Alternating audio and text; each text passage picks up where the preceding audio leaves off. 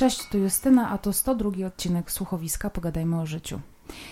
Dzisiejszy odcinek jest odcinkiem jak zwykle wyjątkowym, ale jeszcze bardziej dlatego, że y, jest ze mną mój kochany gość, czyli moja przyjaciółka Paulina Nawrocka-Olejniczak. Dzień dobry. Y, autorka podcastu Zabawy jedzeniem, y, o którym pewnie tutaj na mojej antenie słyszeliście już wiele razy. Zachęcam Was jeszcze raz do y, odwiedzania właśnie podcastu Pauliny, jeżeli lubicie gotować, jeżeli lubicie y, historię i wszystkie opowieści wokół y, kuchni związane. Paulina robi to świetnie, ale dzisiaj nie spotkałyśmy się w tym celu, żeby mówić właśnie o kuchni czy o jedzeniu, ale chciałyśmy porozmawiać o terapii głównie dlatego, że mm, bardzo wielu z Was, i to nie jest tak, że wielu z Was pisało. W listach pytacie tak, mnie. Tak, no one, said no one ever. Y, tylko dlatego, że szczególnie w grupie Pogadajmy o życiu, do której Was, y, do, do dołączenia do której Was y, serdecznie zachęcam, jest dostępna na Facebooku. Bardzo często pojawia się temat psychoterapii. I to nie tak, że po prostu jest jakiś temat, ludzie sobie tam e, piszą swoje doświadczenia, znaczy o swoich doświadczeniach z terapii, ale bardzo często e, pojawiają się tam osoby, które pytają, co mają zrobić ze swoim życiem, że nie wiedzą, że zastanawiają się nad tym, żeby pójść na terapię. I to jest taki temat z jednej strony bardzo oklepany, bo e, wielu przeciwników psychoterapii twierdzi, że po prostu to jest moda. I dzisiaj chciałyśmy właśnie o tym porozmawiać, czym jest tak naprawdę psychoterapia, dlaczego warto na nią pójść, y, jakie towarzyszą myśli człowiekowi, który planuje pójść na psychoterapię, albo człowiekowi, który generalnie powinien pójść na psychoterapię, a tego nie robi. I tak chciałyśmy obalić parę mitów, poopowiadać trochę o tych doświadczeniach, bo zarówno jak, jak i ja, bo to nie jest żadna wiedza tajemna, że ja w psychoterapii byłam i jeszcze mam zamiar, zamiar y, wybrać sobie jeszcze teraz jedną. A Paulina także była w psychoterapii i psychoterapia y, tobie tak naprawdę uratowała życie.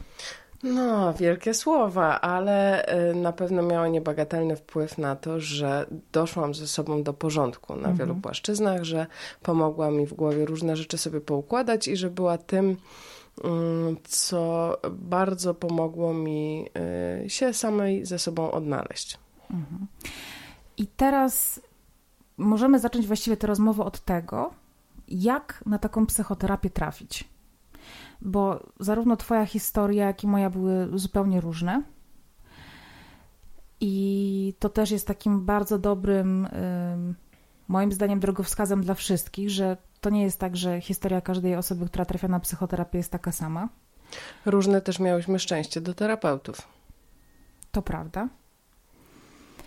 Y, więc okej, okay, załóżmy, że jesteśmy taką osobą, która źle się czuje z własnym życiem.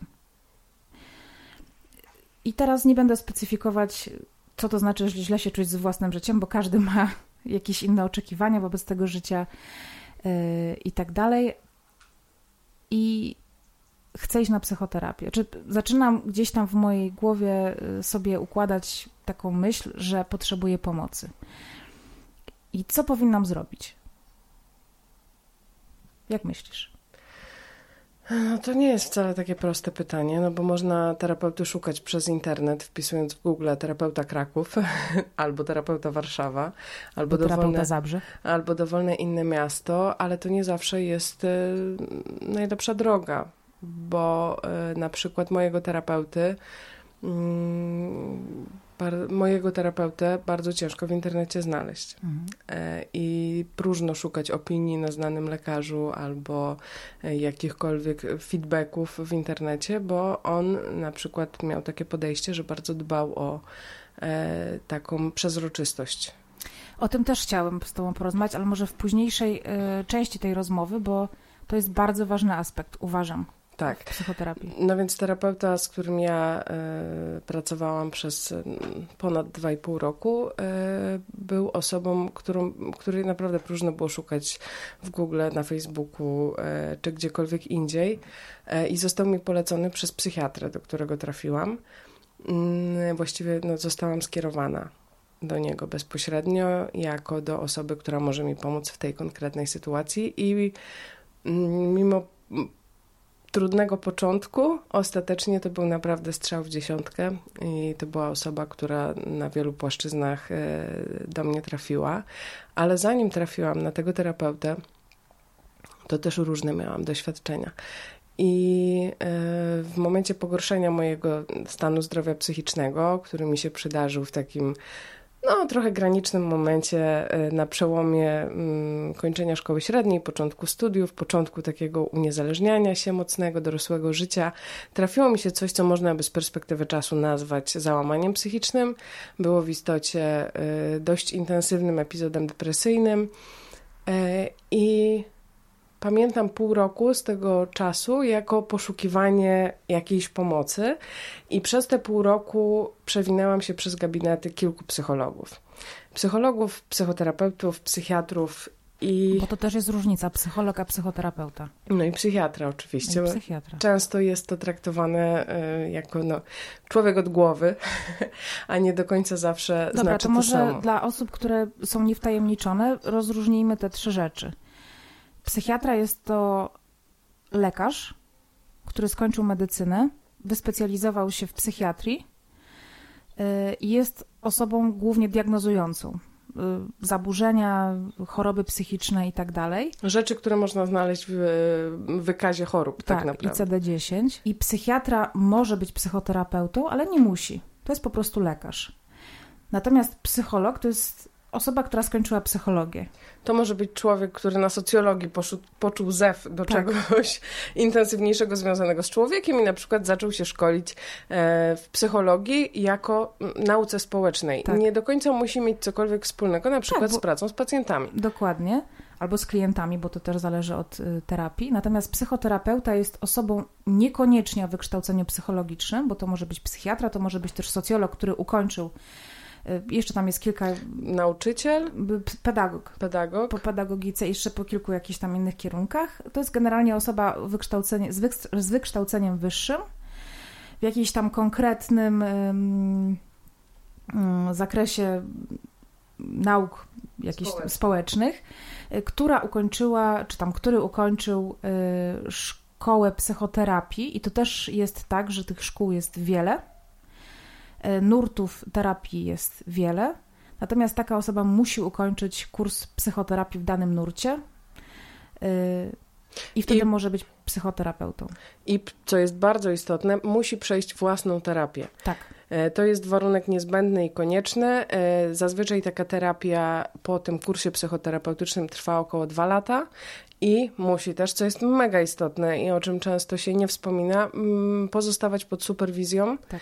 E, osoby, która jest jakby level wyżej, poziom wyżej mhm. w, w tej mm, ścieżce. Superwizor i w ogóle superwizja polega na tym, że to jest tak jakby terapia dla psychoterapeuty. To jest taki moment, kiedy, bo superwizja nie wiem, czy polega też na takich spotkaniach indywidualnych, ale z tego co wiem, bo mam znajomą, która jest psychoterapeutką właśnie, która się superwizuje, to też są często takie spotkania grupowe, gdzie psychoterapeuci dzielą się z tą osobą, która prowadzi ich superwizję, różnymi historiami swoich klientów czy pacjentów e, i omawiają je na jakimś takim mm, forum, e, oczywiście z zachowaniem dyskrecji i tak dalej, i tajemnicy która obowiązuje w kontrakcie, y, którą terapeuta y, zawiera z pacjentem czy z klientem i jest prowadzony po prostu przez osobę jakąś tam nadrzędną. I to też jest dlatego ważne, dlatego o tym mówimy, że y, mało kto wie, żeby na to zwracać uwagę, a to jest ważne, żeby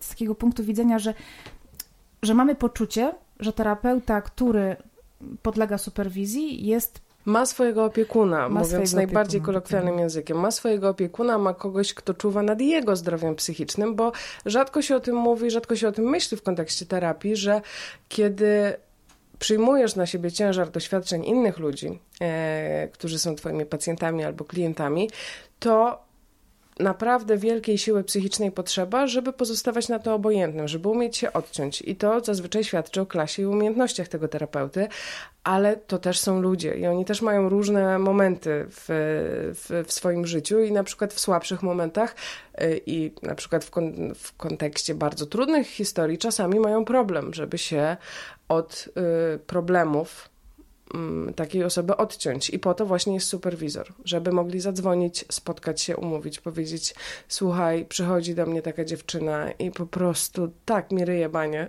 mówiąc kolokwialnie. Tak, ale to też jest taki organ, który doradza, czy dobrze tego pacjenta prowadzimy. To jest też taki y, check-in, nie? Że, że tak. czy, czy dobrze robimy z tym pacjentem, czy tam z klientem, czy, czy to wszystko można sprawdzić i warto to sprawdzać. I jak już wybierzecie sobie terapeutę albo zostaniecie do niego skierowani, to warto jest sprawdzić, czy ma certyfikat e, właśnie Polskiego Towarzystwa, mm, nie chcę Psychologicznego, teraz... ale też tam są Albo psychoterapeutycznego. E, zazwyczaj jest lista terapeutów, którzy taki certyfikat mają i to jest gwarant tego, że oni pozostają pod pewną kontrolą, bo rozmawiamy o pracy z tak um, newralgiczną materią, jak ludzka psychika, i y, można sobie łatwo wyobrazić, że ktoś, kto na przykład jest wytrawnym manipulantem, y, mógłby robić krzywdę innym ludziom. Mhm. Dlatego ważne jest, żeby taka osoba nie była sobie samotną wyspą, tylko funkcjonowała w ramach jakichś struktur.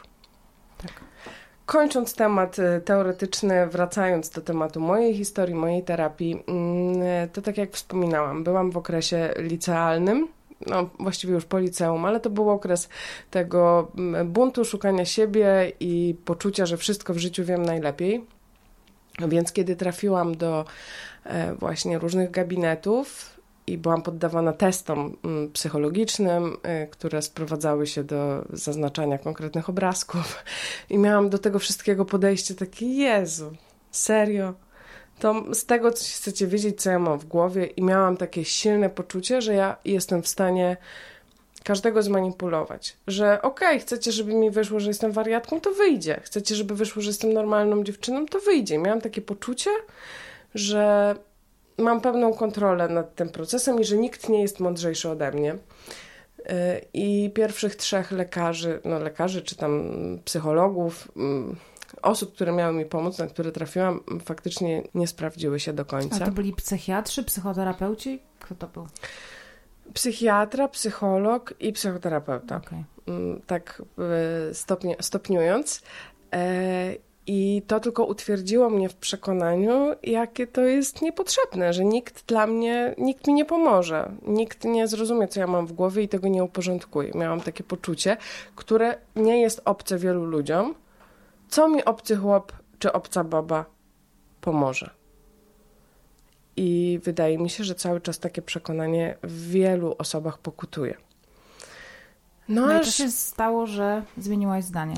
No trafiłam na lekarza, który y, mnie przejrzał, mówiąc y, ogólnie, y, dość szybko,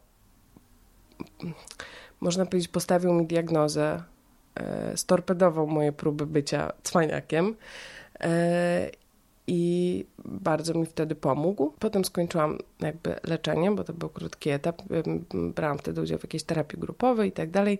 No ale wiele rzeczy było takich, mm, mówiąc językiem medycznym, zaleczonych, ale nie wyleczonych. I one się w pewnym momencie życia odezwały. E, jakby uporządkowałam swoje życie na wielu płaszczyznach, wydawało mi się, że już jest wszystko super, mm, ale gdzieś tam miałam z tyłu głowy, że w sumie miałam takie zalecenie, żeby pójść na terapię, no ale przecież wszystko układało się wspaniale, więc właściwie po co? No i tak skończyło się takim lekkim, no nie wiem, można to nazwać jakimś załamaniem, chociaż ono wcale na załamanie nie wyglądało, ale po prostu znalazłam się w takim momencie życia, w którym... Mm, które zmierzało w złą, w sensie, że moje życie zmierzało w złą stronę. E, zresztą pomogłaś mi wtedy trochę w podjęciu tej decyzji, że, że to jest chyba ten moment, w którym powinnam wrócić do zajmowania się swoim zdrowiem psychicznym. Trafiłam do tego samego lekarza e, i już wtedy to była dosyć krótka diagnoza, y, konkretne zalecenia i zalecenie numer jeden to takie, żebym właśnie poszła na terapię, bo żadne tabletki i żadne działania doraźne nie pomogą, jeśli pewnych rzeczy nie przepracuję. I on zaproponował mi dwójkę terapeutów, to była kobieta i mężczyzna, którzy z nim współpracowali e, i powiedział, że mogę się odezwać do nich, w zależności od tego, kogo wolę. I ponieważ w tym czasie, a do tego na pewno wrócimy później, byłam przekonana, że moim zasadniczym problemem są kwestie relacji z tatą, e, no to wybrałam mężczyznę bo często jest tak, że terapeuta ma uosabiać zna znaczącą postać w naszym życiu, e, tą, z którą różne kwestie relacji chcemy... Czyli tak zwane przeniesienie. Tak, mhm. prze, przepracować, więc no, mając jakieś tam szczątki wiedzy na ten temat, stwierdziłam, że facet sprawdzi się lepiej. Zresztą to był ten okres w moim życiu, kiedy wydawało mi się, że lepiej dogaduję się z mężczyznami, któż z nas tego nie przechodził. E, I stwierdziłam, że, że mężczyzna będzie mm, e, lepszą osobą. No i tak, no i dostałam numer telefonu, zebrałam się na odwagę, zadzwoniłam, umówiliśmy się, przyszłam. No i tam usłyszałam, że damy sobie trzy spotkania, e, podczas których się poznamy, nakreślimy problemy, które bym chciała przepracować, które mm, bym chciała na tej terapii, e, z którymi chciałabym sobie na tej terapii poradzić. No i wtedy podejmę decyzję, czy jestem tym zainteresowana. Od razu też. Tak, bo to ja też się spotkałam z tym, że wiele osób, czy no, wiele osób, które gdzieś tam do mnie kiedyś napisały, czy odezwały się do mnie, czy takie też, które znam, opowiadały mi o tym, że y, poszło na terapię. Ja tak się pytam, okej, okay, no dobra, ale od jakiego czasu chodzisz na terapię? Nie, no ja byłam na dwóch spotkaniach i to mi wystarczy. Y, przy czym ja nie jestem psychoterapeutką, też nie skończyłam psychologii niestety, ale... Jeszcze. Jeszcze. Mamo, nie bierz tego do serca sobie. Ale y, ludzie bardzo często mylą terapię z taką konsultacją. I nie ma takiej opcji, moim zdaniem, że po jednej wizycie ktoś jest w stanie nam powiedzieć, co nam jest. Może mieć jakieś podejrzenia, ale te trzy spotkania, o których mówisz, są taką chyba, no nie, że standardową, nie wiem, czy są jakieś standardy diagnozy, ale to zazwyczaj są trzy spotkania, bo tak samo ja miałam trzy spotkania na każdej z terapii, na której, jakby, którą zaczynałam. Y, I to są tak zwane spotkania diagnostyczne w ogóle, że, że po prostu się opowiada właściwie to o czymś, co by się chciało przepracować. I też bardzo często jest tak, że my idziemy z jakimś problemem i jakby opowiadamy o tym, że to jest nasz problem, a bardzo często się okazuje, że ten problem leży kompletnie gdzieś indziej. I to jest tylko jakiś taki wierzchołek yy, yy, góry lodowej. Yy.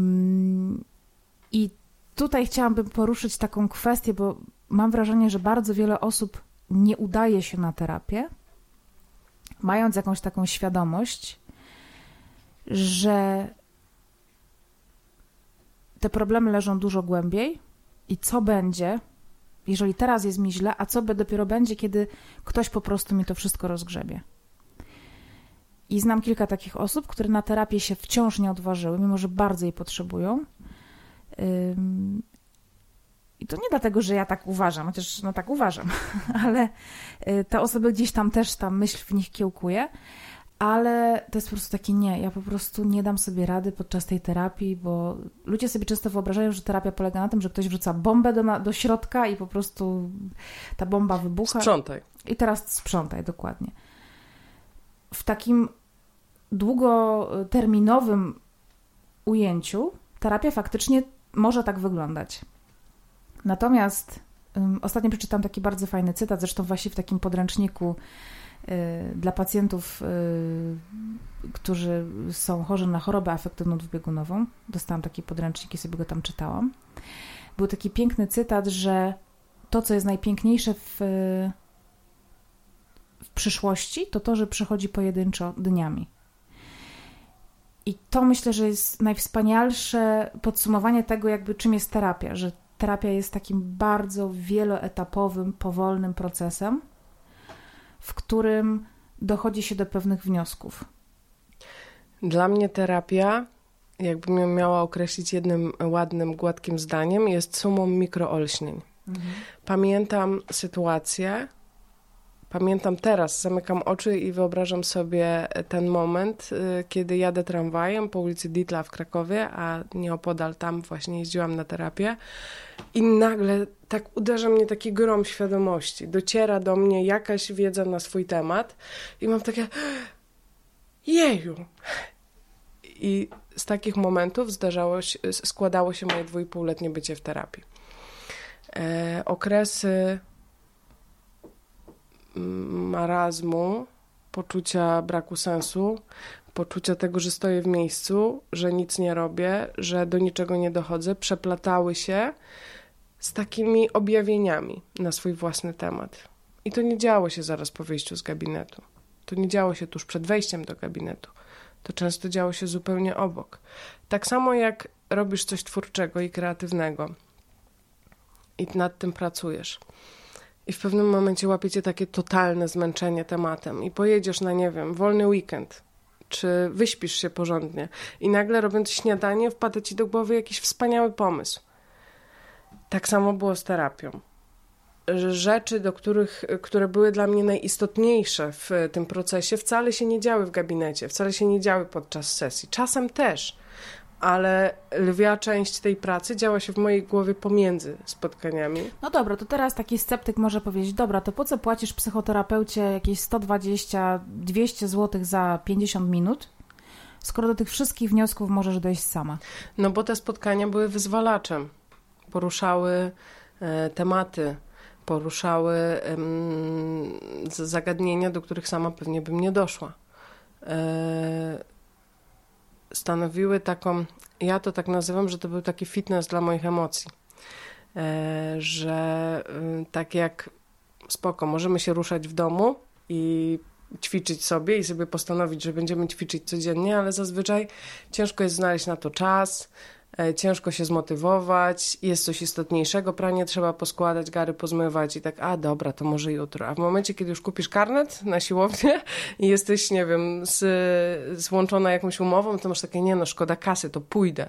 Idziesz i w efekcie czujesz się dużo lepiej i czujesz ten pozytywny skutek. I z terapią trochę też tak było, że pewnie sama nie doszłabym do wielu wniosków, nie poświęciłabym sobie tego czasu. Przede wszystkim to, co jest moim zdaniem ogromną wartością terapii, to jest to spojrzenie z zewnątrz. I to nie da się tego porównać z rozmową z przyjacielem, z rozmową z rodziną. No właśnie, bo. Z rozmową z człowiekiem, który zna naszą sytuację, zna nasze relacje, e, jest w jakiś sposób związany z tym wszystkim, z czym my jesteśmy związani. I. To może ja powiem. Dla mnie relacja z psychoterapeutką, którą ja miałam, bo jakby moje etapy trafienia na odpowiedniego terapeutę trwały dość długo. I to może zniechęcać, ale wszystkich zachęcam do tego, żeby szukać. To jest tak samo, jak się szuka partnera, jak szuka się fajnego filmu na Netflixie, cokolwiek. To nie jest tak, że wybierzemy pierwszy film i on po prostu na nas zadziała, czy puścimy sobie pierwszą piosenkę na Spotify i ona też nam spasuje trzeba sobie szukać osoby, z którą będziemy się czuli komfortowo, która będzie oczywiście kompetentna. Mówimy o takiej no, sytuacji, że faktycznie trafiamy na kogoś sprawdzonego. Jak trafiłam na psychoterapię, to już byłam tam po kilku miesiącach yy, psychoterapii wcześniej, ale zmieniłam miasto, musiałam wybrać kogoś innego i tak dalej.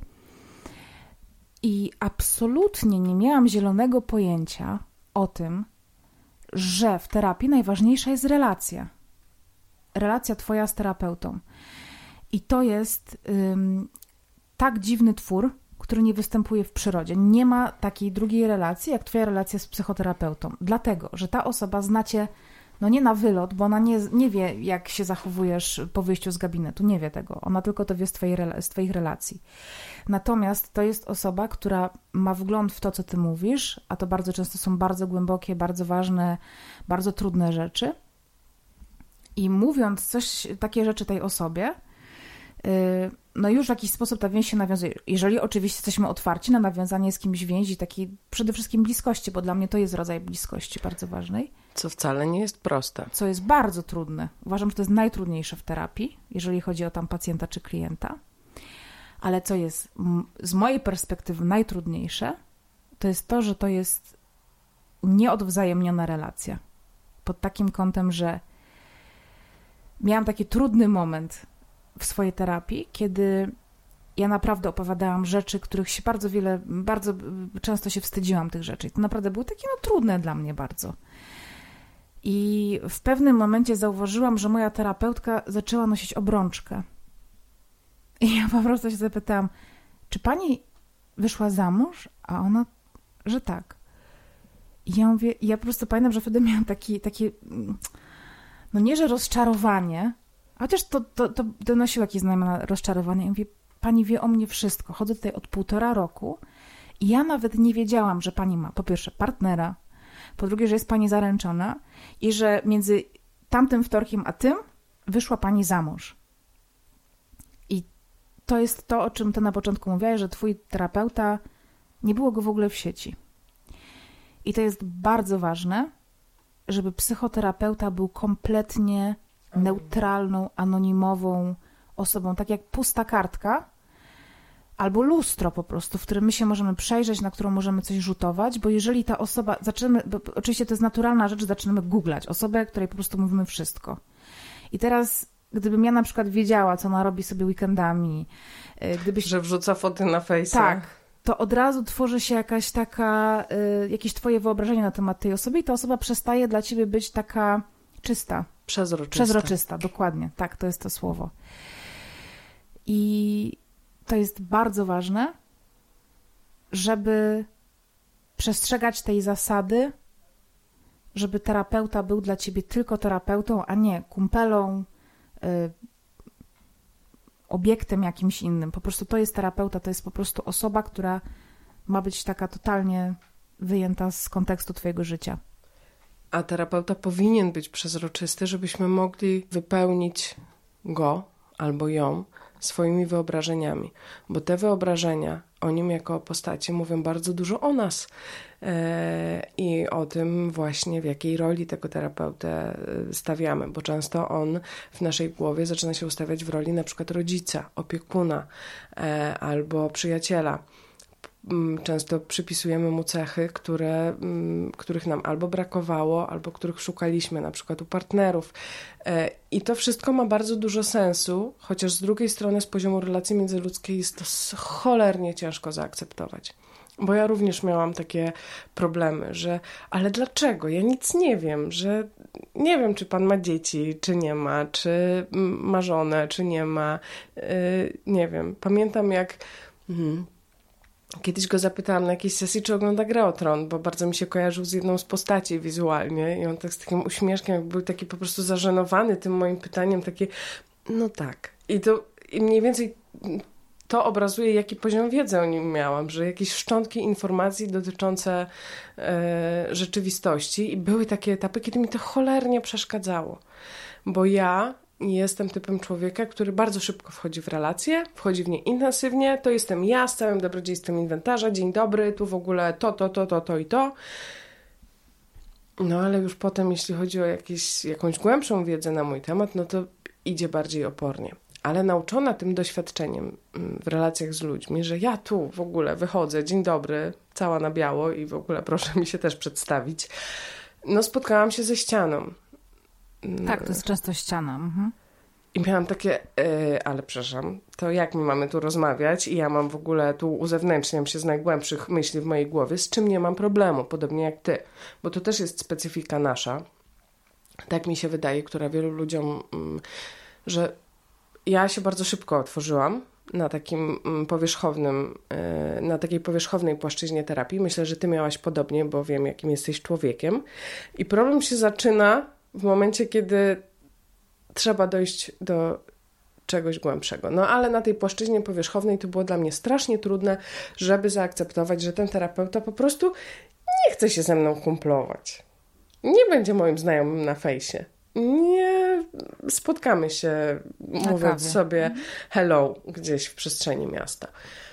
Um, i to pewnie wpłynęło na to, że bardzo szybko zaczęłam go postrzegać jako srogiego rodzica, którego, no nie chcąc się tu wdawać w jakieś szczegóły, w moim życiu trochę brakowało. e, takiego kogoś, kto mi będzie wyraźnie stawiał granice. Moim problemem na pewnym etapie życia był właśnie brak takiego, takich granic. Ja miałam bardzo dużo swobody, dużo wolności w okresie nastoletnim, a tu nagle się zetknęłam z takim, że to jest ta godzina, nie wolno się spóźniać. Jak się pani spóźni, no to nie ma przedłużania. E, przyjdzie pani 8.10, kończymy 8.50. E, jak pani no. odwoła, to mhm. i tak trzeba zapłacić, bo termin jest gdzieś tam zaklepany. E, no i to było też trudne na pewnym etapie do zaakceptowania, ale później to zrozumiałam i zaczęłam postrzegać to jako bardzo sensowne, ale wiem, że mnóstwo ludzi ma z tym ogromny problem. Ja miałam z tym problem, bo ja traktowałam terapię w taki sposób, że trochę na początku miałam tak, płacę, wymagam że co to znaczy, jakby, że jak, ja, mam, ja miałam bardzo takie luźne podejście do czasu, że no przychodzę 5 minut później, to po prostu będziemy siedziały 5 minut później. Kiedyś ta pani mi powiedziała coś takiego, bo ja się tam motorycznie spóźniałam jakieś 2-3 minuty, co dla mnie w ogóle nie jest żadnym spóźnieniem. Wiesz, umawiasz się z koleżanką na 19, przecież 19.03, no to jesteś punktualnie, nie? Te 3 minuty to jest, nie, to jest 9, nie, nie, to nie jest 90 sekund. Ile to jest sekund? 180. Nie wiem, skąd mi się wzięło 90. Yy, i ona mi powiedziała wtedy coś takiego, że no to jest kolejna sytuacja, w której ja sabotuję swoje y, dojście do siebie, w sensie takie po prostu polepszenie swojego samopoczucia, bo przychodzę później i po prostu to już jest, to są to już te trzy minuty, które są mniej dla mnie. I dopiero wtedy do mnie dotarło to, jak ważne jest, żeby przestrzegać tych takich bardzo prostych zasad.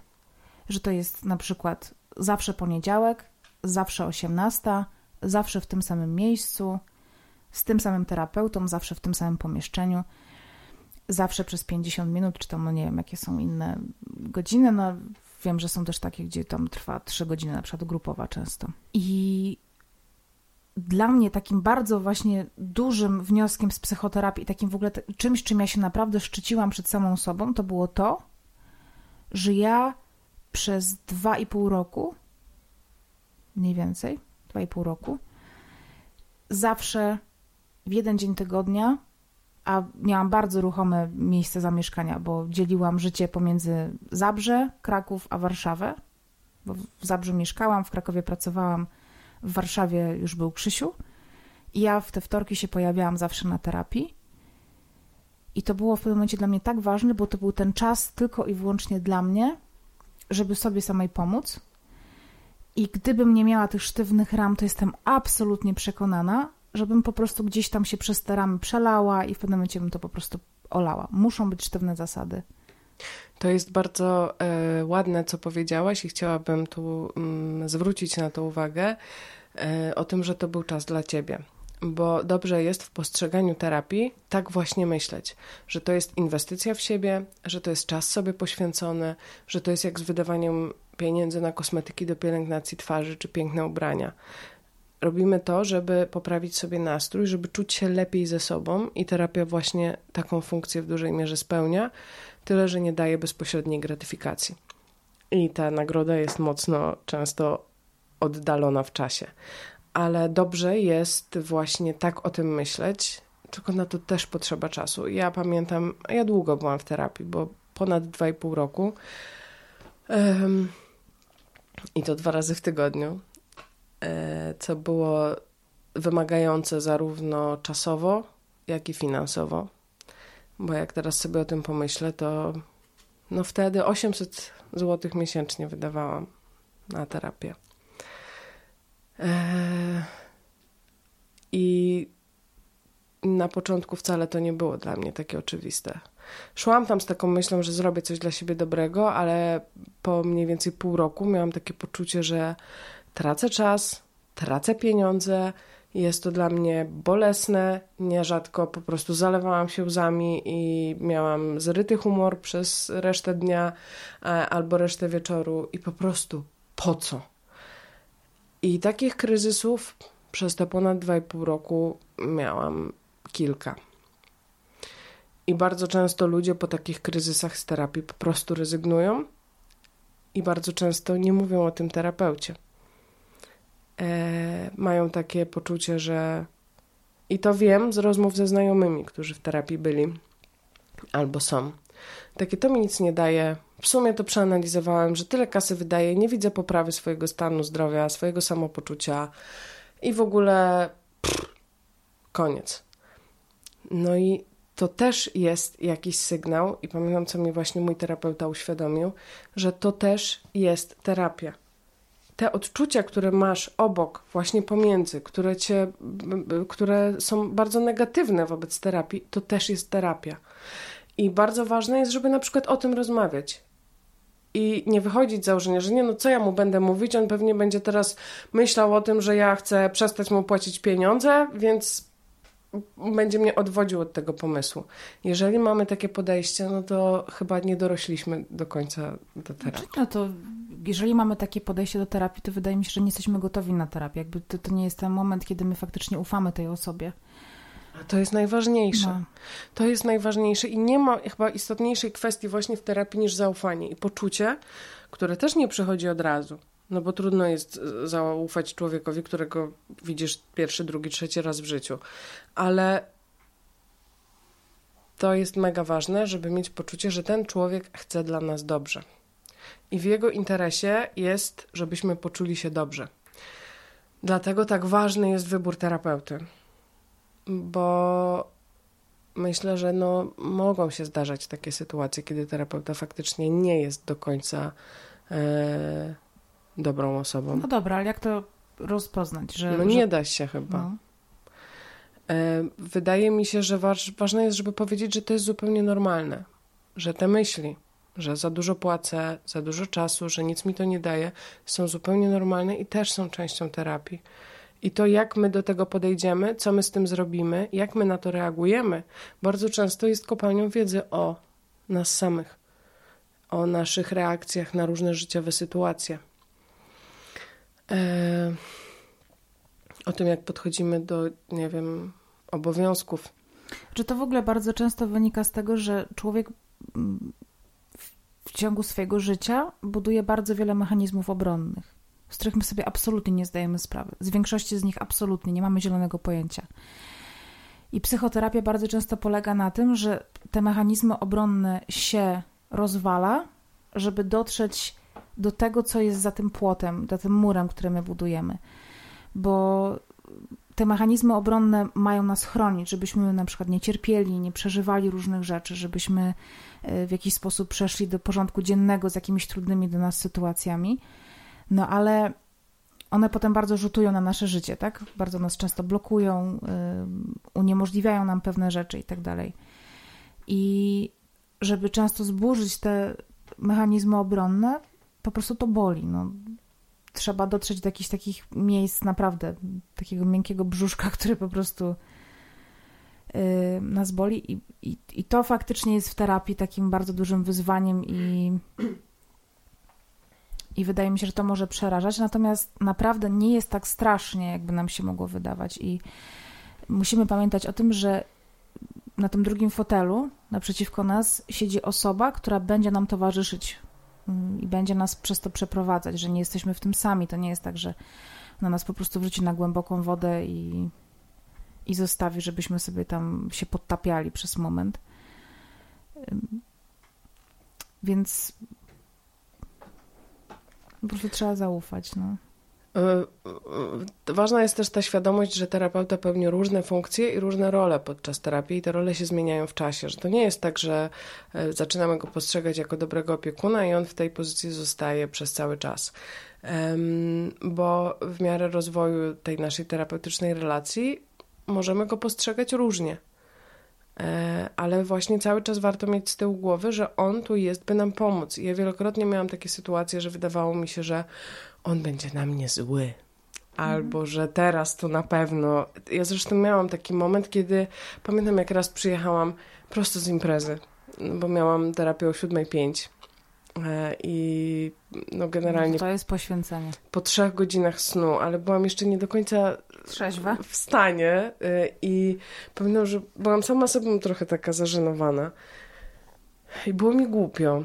I miałam takie poczucie, oczekuję kary reprymendy, że ktoś mi powie, że nie zachowuj się tak dziewczyno, a reakcja była zupełnie inna, raczej taka wspierająco troskliwa i bardzo często tak było, że ja wpis- przypisując terapeucie jakąś konkretną rolę w mojej głowie, właśnie takiego srogiego rodzica, spodziewałam się na przykład kary, a bardzo często byłam pozytywnie zaskakiwana takim zrozumieniem po prostu i to było super. Ale nie o tym chciałam. Eee, raczej o tym, że nasza relacja z terapeutą bardzo często w toku terapii odzwierciedla różne relacje z istotnymi dla nas ludźmi. Więc on może albo ona w pewnym momencie terapii stać się naszą matką, przyjaciółką, siostrą, kochankiem, bratem, kolegą z pracy, szefem. szefem. E, I jeśli jest odpowiednio do tego przygotowany, to doskonale się w tych rolach odnajdzie a przy tym wszystkim pozostaje terapeutą, czyli tym specyficznym człowiekiem, który pozostaje gdzieś poza granicą tych wszystkich relacji, które w życiu mamy. I właściwie tak ciężko go sprecyzować, bo czasami myślę, że to jest po prostu jest ci tak bliski jak rodzona siostra. Masz ochotę wysłać mu kartkę z wakacji. A czasami sobie myślisz, że jest wrogi, obcy. I nie przeszkodziło mi to w, dalszej, w dalszym życiu, w karierze zawodowej, w tym, żeby mm, funkcjonować, nie wiem, pracować w ogólnopolskich mediach. E, mówię o tym otwarcie. No, no żartuję sobie, no. E, po prostu miałam moment ciężkiego załamania psychicznego i trafiłam do psychiatryka, no. I, i nie mam żółtych papierów, jak to mawiam. Właśnie, to jest w ogóle dla mnie temat. Ludzie myślą, że jest coś takiego jak żółte papiery. W ogóle o co chodzi? Nie wiem, to musi pokutować jeszcze po jakiś... Ale to jest tak, to chyba po komunizmie, że po, po prostu faktycznie jak się ktoś zatrudniał gdzieś w jakimś zakładzie pracy i potem szedł do innego, to miał jakąś teczkę papierów. Dzisiaj przecież, kurde, to w ogóle tak nie funkcjonuje. Nie ma jakiejś bazy danych, do której może zajrzeć pracodawca i sprawdzić, czy ta osoba się leczyła psychiatrycznie, albo na przykład wpisuje nasze imię i nazwisko, nagle wyskakuje jakaś żółta kartka na zasadzie mm, mm, error, mm, error, mm, error. Psychiatryk, psychiatryk, psychiatryk. Nie ma czegoś takiego jak żółte papiery. Nie ma. Nie ma możliwości, że idziesz do pracodawcy i dajesz mu nagle po prostu zaświadczenie leczyłeś się psychiatrycznie. Być może jeśli starasz to... się o pracę w wojsku lub policji, to no jest to sprawdzane. Tak, ale... I pyta o to na przykład lekarz medycyny pracy, ale też no na przykład w moim przypadku nie robił żadnej adnotacji. To była informacja jakby do jego wywiadu, ale to było na zasadzie pytania. Tak, ale to jest w ogóle dla mnie takie zaskakujące, że po prostu, dobra, jeżeli ktoś wierzy w żółte papiery, to powiedz mi, człowieku, jak sobie wyobrażasz, że te żółte papiery są transferowane od pracodawcy do pracodawcy? Po prostu wytłumacz mi tę magię. No, no ale, ale tak, ten mit pokutuje. Pokutuje też takie wyobrażenie, że psychiatryki to są po prostu takie miejsca jak z asylum. No ale to się zdarza. Z tym zdarza akurat tutaj się, nie będę...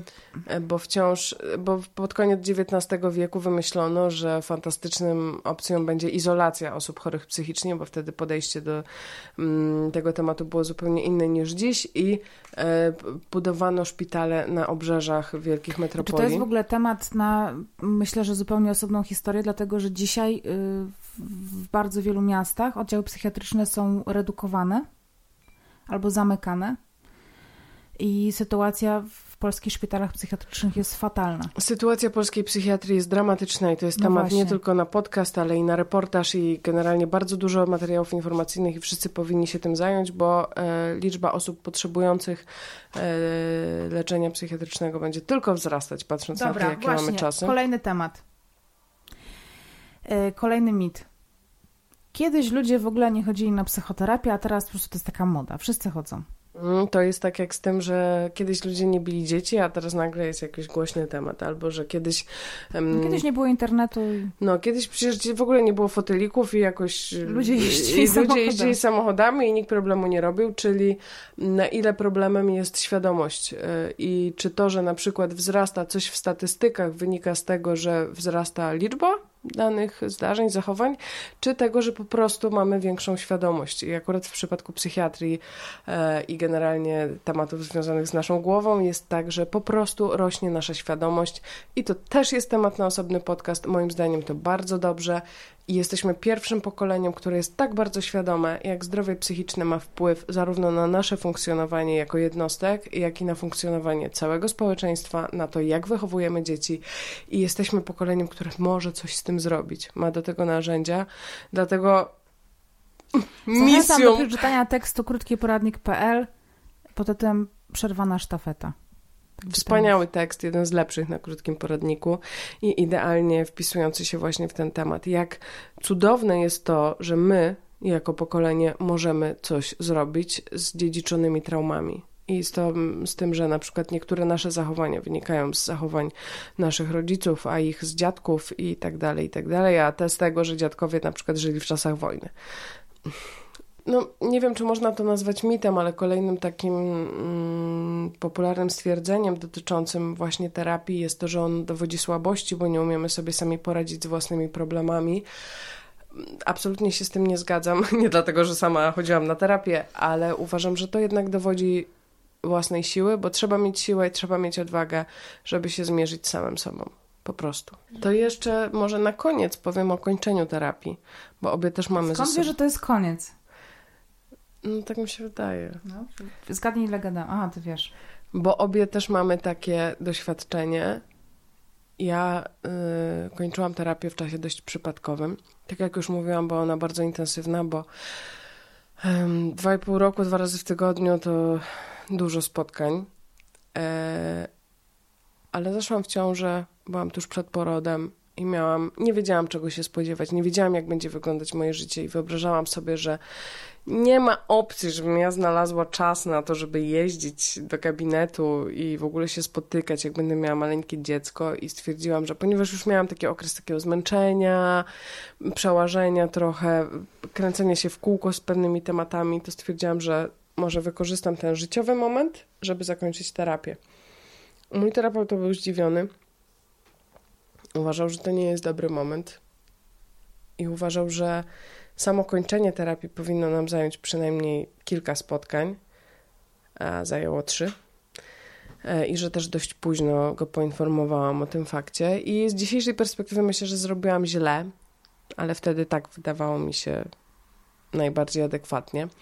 On sam podzielił się ze mną spostrzeżeniem, że powinnam chodzić jego zdaniem jeszcze z rok. E, I z perspektywy czasu myślę, że miał rację że dużo tematów e, było jeszcze nieprzepracowanych, mm, ale myślę, że też z wieloma poradziłam sobie trochę sama. Dzięki temu, że byłam wyposażona w wiedzę na swój temat przez ten cały poprzedni czas. Trochę dlatego, że macierzyństwo stało się dla mnie substytutem terapii i okazją do spotkania z własnymi emocjami na płaszczyźnie, na jakiej wcześniej nie miałam okazji e, tego doświadczać. Nie wykluczam, że kiedyś jeszcze wrócę bo są takie dwa, trzy zagadnienia życiowe, które wymagają, wydaje mi się, pogłębienia, ale też nie czuję, żeby mi to było jakoś super potrzebne. Wydaje mi się, że dzięki temu wszystkiemu, czemu, czego się dowiedziałam na terapii, z wieloma rzeczami, które były dla mnie trudne emocjonalnie, potrafiłam sobie poradzić w inny sposób. I teraz jeszcze ode mnie refleksja taka, że z terapią, jak z wieloma innymi rzeczami w życiu, nie jest tak, że jest jakiś punkt, do którego dążysz, osiągniesz go i masz takie, no, ale okay, są takie terapie, na dziękuję. których dążysz tak. do danego punktu. No tak, ale ten proces cały czas tam trochę trwa. To nie chodzi o to, że ty się przestajesz zmienić, czy przestajesz mieć z czymś problem, czy że twoje życie nagle stryk, zmienia się mhm. diametralnie. Ja y, mówiłam ci kiedyś, y, że ja miałam takie wyobrażenie, że jak już urządza mieszkanie, jak już urządzę, to będzie urządzone. I po roku mieszkania do mnie dotarło, że mm, mm, bo w sumie tu bym coś zmieniła, tu jeszcze można coś zrobić. E, myślałam, że jak już e, nie wiem, osiągnę coś tam zawodowo, to już będę.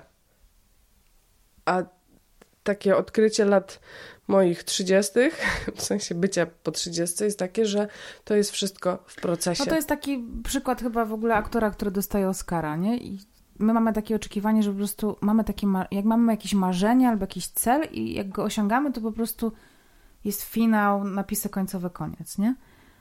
A przecież aktor, który dostaje Oscara, gra dalej. I to jest też takie, myślę, że dobra metafora do tego, żeby No i tak jak ze wszystkim w życiu, zmiana jest nam niezbędna do tego, żebyśmy dobrze funkcjonowali. Tak mi się wydaje, że po prostu jako ludzie tak jesteśmy skonstruowani, że potrzebujemy zmian. Dlatego na przykład y, rytm życia często wyznaczają nam święta, pory roku, jakieś e, sytuacje. Tak samo jest z całym życiem i tak samo jest ze znajomością siebie. Terapia jest etapem, który wyposaża cię w narzędzia do dobrego funkcjonowania ze sobą w dalszym życiu.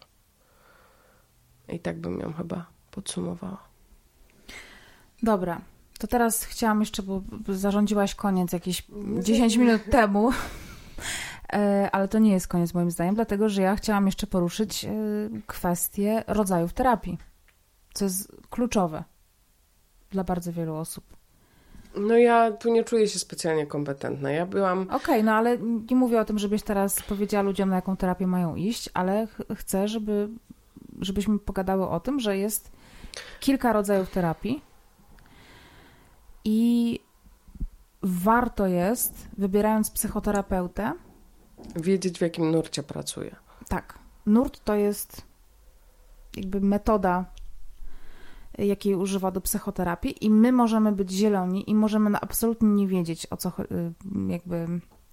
Nie musimy mieć wiedzy teoretycznej. Nie musimy. Natomiast to, co uważam, że jest bardzo ważną rzeczą, to jest to, że jeżeli wybierzemy sobie jakiegoś psychoterapeutę, który wydaje nam się świetny, sprawdzony i tak dalej, i pójdziemy sobie na te trzy spotkania zapoznawcze, powiedzmy, żebyśmy go zapytali, jak on sądzi, w jakim nurcie powinniśmy się rozwijać, bo bardzo często, czy nie, nie rozwijać, tylko w jakim nurcie powinniśmy kontynuować terapię. Yy, bo wydaje mi się, że dobry, taki naprawdę bardzo dobry psychoterapeuta, jeżeli my na przykład do niego trafimy z nałogiem, a on na przykład będzie pracował w nurcie psychodynamicznym, to od razu nam powie, że to nie jest terapia dla nas. Dlatego, że ona, nie wiem, nałóg jest, czy uzależnienie jest y, taką bardzo wrażliwą y, kwestią i, i, i trzeba bardzo konkretnie prowadzić pacjenta czy tam klienta ku lepszemu życiu i na przykład psychoterapia, która właśnie bardzo często się opiera na sinusoidzie i po prostu czasami wpadamy w totalne doły w trakcie tej terapii, co jest potrzebne, może bardzo nie służyć osobie, która jest uzależniona. I na przykład albo w ogóle ona nie działa na osoby uzależnione. I wtedy ta osoba nam powie, słuchaj, panie, idź pan na terapię, na przykład poznawczo-behawioralną, albo jeszcze tam jakąś. No akurat uzależnione chyba głównie się terapeutyzuje tą metodą Generalnie behawioralnie. Tak. Ale na przykład jest bardzo, bardzo wiele innych y, nurtów, takich jak na przykład właśnie psychodynamiczna terapia, albo tam chyba jakieś ujęcie humanistyczne, systemowe, y, schematu, gestalt i tak dalej. Bardzo wielu terapeutów jest zresztą e, terapeutami interdyscyplinarnymi, mhm. którzy mają e, tak. świadomość różnych metod albo je łączą i miksują tak. w ramach jednej tak. terapii, co też jest zazwyczaj bardzo dobre. Mhm. I jeżeli miałabym coś Wam powiedzieć, jeżeli Wy się zastanawiacie nad terapią, to właśnie jakby bardzo zalecam Wam taki, takie właśnie pytanie do swojego tam powiedzmy diagnosty na samym początku, w jakiej y, terapii powinniście się, na jakiej terapii powinniście się znaleźć, bo, bo wydaje mi się, że takie pytanie zawsze yy, ukierunkowuje dalsze poczynania, że jakby czasami terapeuta po prostu może coś tam spróbować zrobić, że no jakby nie zakładam złej woli, nie? Ale różnie może być. Że warto się po prostu zapytać y, też o cel tej terapii, o to, ile będzie trwała, jak ten terapeuta zakłada, żeby sobie właśnie określić takie jakieś ramy. To jest bardzo ważne na początku. Wracamy mhm. tak naprawdę do punktu wyjścia i tego, o czym mm, rozmawiałyśmy zaczynając ten odcinek, czyli do kontraktu, który się Podpisuje. podpisuje albo po prostu omawia Zawiera. się go ustnie, bo mhm. ja na przykład nic nie podpisywałam fizycznie, ale zawieraliśmy jakby taką umowę na to, ile mniej więcej może ta terapia trwać. Jakie są cele i to jest najważniejsze. Co ja chciałabym osiągnąć, do czego chciałabym dojść dzięki tej terapii. Eee, I właśnie, jak często będziemy się spotykać Ile będzie to kosztować? Jakie są zasady na przykład odwoływania spotkań? No właśnie, to jest też dla mnie bardzo ważna rzecz, bo ja w zeszłym roku zrezygnowałam z terapii. Głównie z tego względu, że zostały moim zdaniem pogwałcone zasady kontraktu.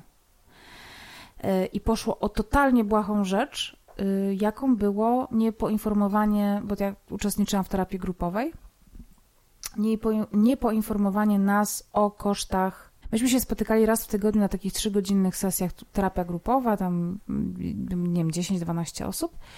I myśmy mieli, Jezus, jak to się nazywało? Kurs. Czy, nie wiem, jak to się nazywało. Czekajcie, kurde, że mnie teraz. No, totalnie mi słowo teraz uciekło.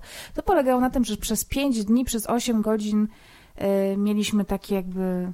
Jezu, jak to się nazywało? Trening. Trening. To był trening.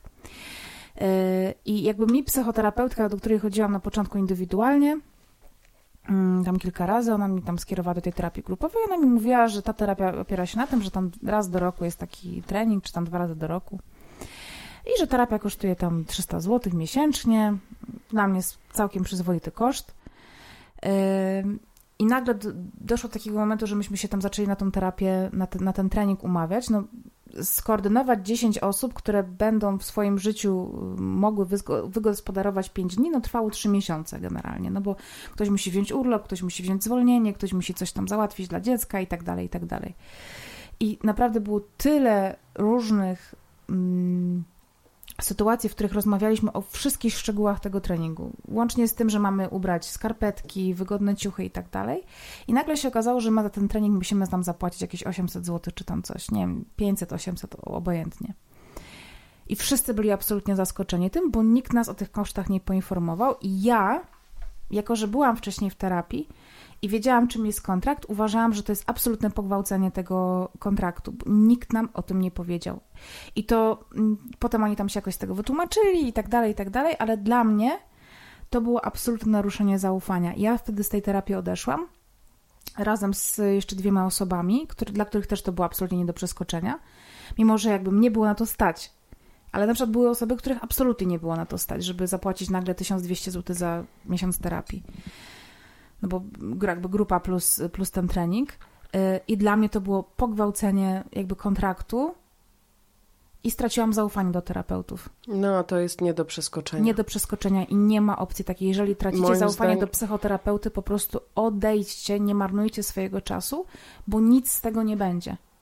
Ale mm, zawsze warto jeszcze to przegadać. Tak, i ja na przykład, to też nie było tak, że odeszłam z dnia na dzień, tylko poruszyłam ten temat i oni w ogóle tak zareagowali bardzo niefajnie.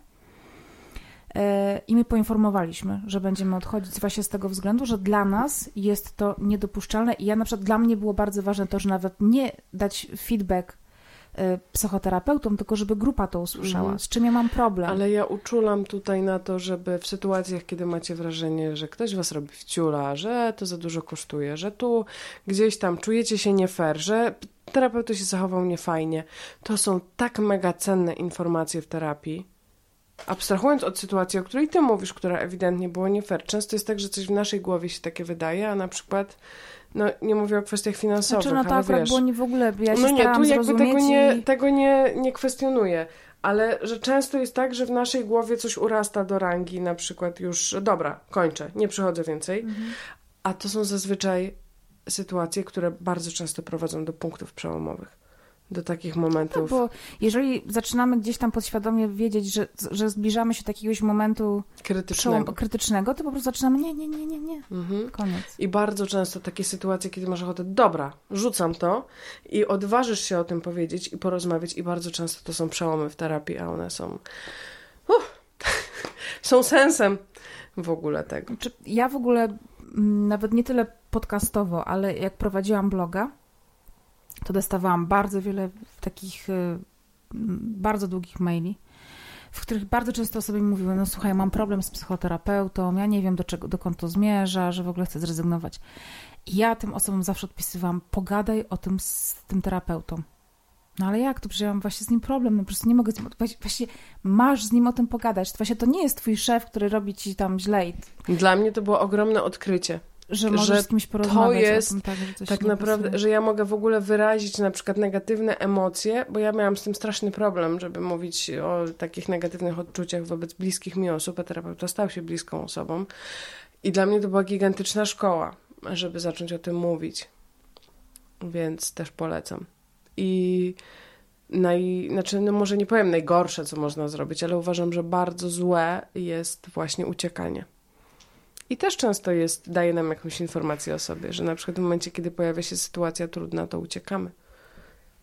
W ogóle właściwie no tak działa, no. wszystko w relacji z terapeutą daje informację o sobie i to jest ogromna wartość. Tylko trzeba się na to otworzyć i to Wam polecamy. Mhm, tak. No i w ogóle, jakby wydaje mi się, że też. No nie, no już nie będę nic dodawać w sumie, bo chyba wszystko jest powiedziane. No chciałam powiedzieć generalnie o tym, że jeżeli faktycznie czujecie, że coś jest nie takie, to jak ja kiedyś poczułam, że na przykład to, że mój psychoterapeuta zasypia na sesji, myślałam, że to jest jakaś prowokacja, nie? Że po prostu mnie chce do czegoś... Czasem jest. Ale to nie była, nie, bo już to konsultowałam z kilkoma osobami, po prostu to było niedopuszczalne. Ja po prostu myślałam, że to jest takie, wiecie, no, że to jest jakaś, jakiś taki... Albo na przykład w ogóle miałam wtedy po, po prostu, no tak, ja jestem tak nieciekawym pacjentem Strasznie. nawet, że po prostu, no, on ma prawo zasnąć, nie? Więc też y, jakby pamiętajcie o tym, żeby yy, wiedzieć, jakie macie prawa w tej terapii, bo to też jest ważne. Na bo też bardzo wiele mm, sytuacji jest takich, że ludzie trafiają na jakieś takie terapie, yy, takie pseudoterapie, nie? Bo też o tym chciałyśmy pogadać. Na przykład ustawienia hellingerowskie to są... No, uciekać. Uciekać, tak. I to ludziom się wydaje, że to jest takie w ogóle przełomowe i tak dalej. Szamani, jest... coache tak. i ludzie, którzy zrobią ci e, ustawienie głowy i w ogóle zmianę myślenia w dwie godziny, uciekać. Tak. No też e, są osoby, które bardzo dużo złego robią, moim zdaniem, właśnie w, w tym takim świecie e, takim pod płaszczykiem samorozwoju i tak dalej e, przemycają treści, które są po prostu karygodne i w ogóle absolutnie w sprzeczności z tym z jakąkolwiek nauką. Nawet jedna jest taka bardzo znana osoba, która właśnie gdzieś tam edukuje na temat dobrego samopoczucia i w ogóle ten. I, i, nie, no nie będę zmieniać nazwiska, ale raczej wiecie, kogo chodzi, podróżniczka. Była żona Cejrowskiego. Była żona Cejrowskiego, tak. Nie, ja po prostu, ja nie mogę czytać tego, co napisze i to nie dlatego, że ja mam jakiś po prostu problem z jej formą i tak dalej. Natomiast y, ona kiedyś wydała książkę, w której mówiła, że depresja jest, słuchajcie no przecież możesz wyleczyć wlewami z witaminy C. Tak, ale nie, to w ogóle ona powiedziała, że depresja jest chorobą zło, nie złości, Jezus Maria, żalu czy zazdrości, że ludzie, którzy w jakichś tam poprzednich generacjach byli zazdrośni, to coś tam przekazali nam jakieś geny i w ogóle rak też z tego powstaje ja pierdzielę i że w ogóle nie wolno przyjmować substancji psychoaktywnych, bo to też jest, to też chciałam poruszyć, że bardzo często osobom na przykład z depresjami, czy z depresją, zaburzeniami lękowymi i tak dalej przypisuje się leki. Bardzo często ludzie też mają takie, takie stereotypowe myślenie, że po prostu nie będę brał psychotropu. W ogóle słowo psychotrop brzmi jak e, moim zdaniem wzięcie tabletki na jakiejś dyskotece Psychotrip. i furanie po prostu, wiecie białe rękawiczki i tak dalej. Natomiast bardzo wiele chorób psychicznych wynika z po prostu niewyrównanej gospodarki e, jakichś tam substancji. Z tego, że się neurony nie stykają. No, że się neurony nie stykają. że, że też musimy mieć zaufanie do tego, że jeżeli ktoś nam, oczywiście nie mówię, że idziemy do lekarza rodzinnego w, w Siennie, gdzie moja babcia mieszka, i po prostu ten lekarz wypisuje wszystko, jak lecisz. Po prostu babcia mówi... moja babcia miała dwa lata, taką, dwa lata temu taką sytuację, mówi tak, e, tam, panie doktorze, a taka się czuje, taka nijaka, o no to to proszę tutaj psychotropy, nie? Nie mówię o takich lekarzach, absolutnie mu przestrzegam. Natomiast yy, jeżeli nam psychiatra po jakimś tam rozpoznaniu przepisuje leki, to mamy je brać. Zazwyczaj nie chce nam zaszkodzić. Tak. No i czasami y, jest to też takie traumatyczne i takie mm, ciężkie do przejścia, że jak to, że leki, że psychiatria, że w ogóle. A w gruncie rzeczy, no tak jak już Justyna mówiła nieraz, nie osiem w podcastach, no jak boli cię gardło, to bierzesz tabletkę na gardło, jak boli cię głowa, to bierzesz tabletkę od bólu głowy. No i, I tego nie negujesz, mhm. więc w momencie, kiedy na przykład masz mocno obniżony poziom serotoniny i nie jesteś w stanie odczuwać radości nawet w sytuacjach, w których odczuwałeś ją wcześniej, to najprawdopodobniej coś w biochemii organizmu nie działa. I można sobie no, pomóc. Musisz przyjąć tę substancję, która ci po prostu tą serotoninę nagle y, podniesie. I to też jest tak, że jak bierzesz psychotropy, to nie jest tak, że nagle zaczyna ci cieknąć ślina po prostu prawym kącikiem. Zaczynasz widzieć małe ludziki. Tak, dokładnie. Albo po prostu leżysz w jakiejś katatonii Tylko właśnie wręcz przeciwnie. I tyle. Po prostu zaufajcie, nie bójcie się. Bądźcie dla siebie dobrzy. Bądźcie dla siebie dobrzy. Y, mam wrażenie, że ten odcinek był trochę chaotyczny, jeżeli chodzi o jakby e, przekazanie wszystkich informacji. No, jakby to nie jest. Nie miałyśmy zamiaru odczytywania z podręcznika y, po kolei tego, co trzeba zrobić, żeby trafić na psychoterapię, ale mam wrażenie, że jednak tutaj bardzo dużo informacji zawarłyśmy. Warto, e, jeśli temat Was interesuje, jeżeli szukacie informacji, no to na początek krótki poradnik.pl i e, wpis. Co musisz wiedzieć o psychoterapii? I A potem jest... dużo innych źródeł. No tak. Ja też się postaram podrzucić w grupie różne źródła postaram się takie rzeczy gdzieś tam zawrzeć. E, no i nie bójcie się po prostu, no. To jest takie... Mnie to, mnie, mnie to strasznie smuci, nie? Że ludzie się po prostu boją. Więc nie ma się czego bać. A, jeszcze chciałam jedną rzecz poruszyć. Że jest mit, że psychoterapia bardzo dużo kosztuje. Można tak, na NFZ. Jest taki półmit, tak. Dlatego, że jeżeli chodzimy prywatnie, oczywiście wszystkie wizyty są wtedy szybciej i tak dalej, to to może być drogie. Natomiast jest wiele terapii, właściwie wszystkie praktycznie są dostępne y, z Narodowego Funduszu Zdrowia. Po prostu trzeba się udać do najbliższego psychiatry, jakiego mamy w ośrodku zdrowia, czy tam w, jakimś, w jakiejś przychodni, czy po prostu zapisać się do psychiatry, który nas skieruje do takiego ośrodka psychoterapii. Y, I Trzeba będzie troszkę poczekać, ale to też jakoś nie strasznie długo. Zazwyczaj czeka się na tę pierwszą wizytę u terapeuty. Czasem to nawet mogą być trzy miesiące, co jest bardzo długo osoby potrzebującej pomocy, ale zazwyczaj to jest krócej. Ale plus jest taki, że jak już się umówicie na pierwszą wizytę, to następne są już w normalnym trybie, tak, ale czyli to też co tydzień. Chciałam tylko powiedzieć tyle, że do psychoterapeutów czeka się jakoś skrajnie mniej i skrajnie krócej niż do endokrynologa na NFZ. albo do chirurga kolana. Albo do chirurga kolana. Trzy lata, czy tam pięć. Także zachęcamy, polecamy. E, Pozdrawiam. Ja uważam, że cała Polska powinna pójść na psychoterapię. Każdy powinien Jak śpiewa Happy Set, cały mój kraj potrzebuje psychologa. Tak. I zbadajcie cukier i insulinę. Dzięki. Pa.